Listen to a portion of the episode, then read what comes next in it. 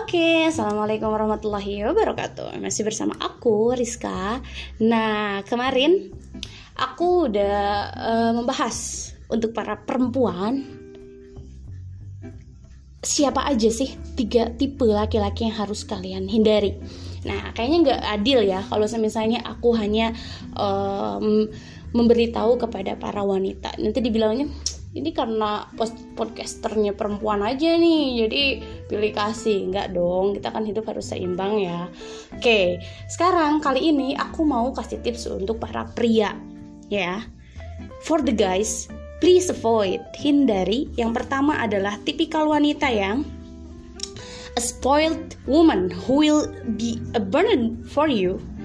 Be with an independent woman who has goals. Jadi artinya adalah kamu ketika kamu menikahi perempuan yang manja, maka hidup kamu tuh akan terasa lebih berat. Kenapa?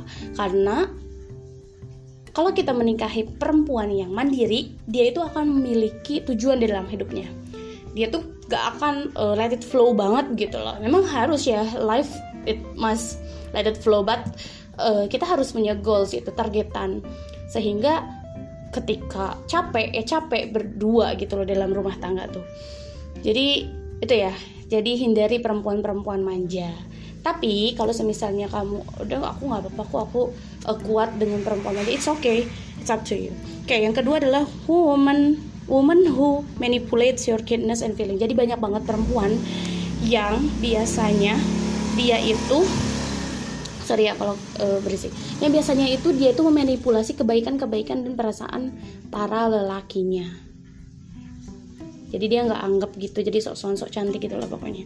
Dan yang ketiga adalah someone who cannot say what she want jadi dia tuh menganggap laki-laki itu dukun yang bisa tahu semua apa yang dia inginkan. Nah hindari ya yang kayak gini karena ini bakal capek banget. Ada banyak perempuan yang mandiri, ada banyak perempuan yang bisa menghargai dan ada banyak perempuan yang mau berbicara, speak up daripada menganggap kamu dukun. Oke? Okay?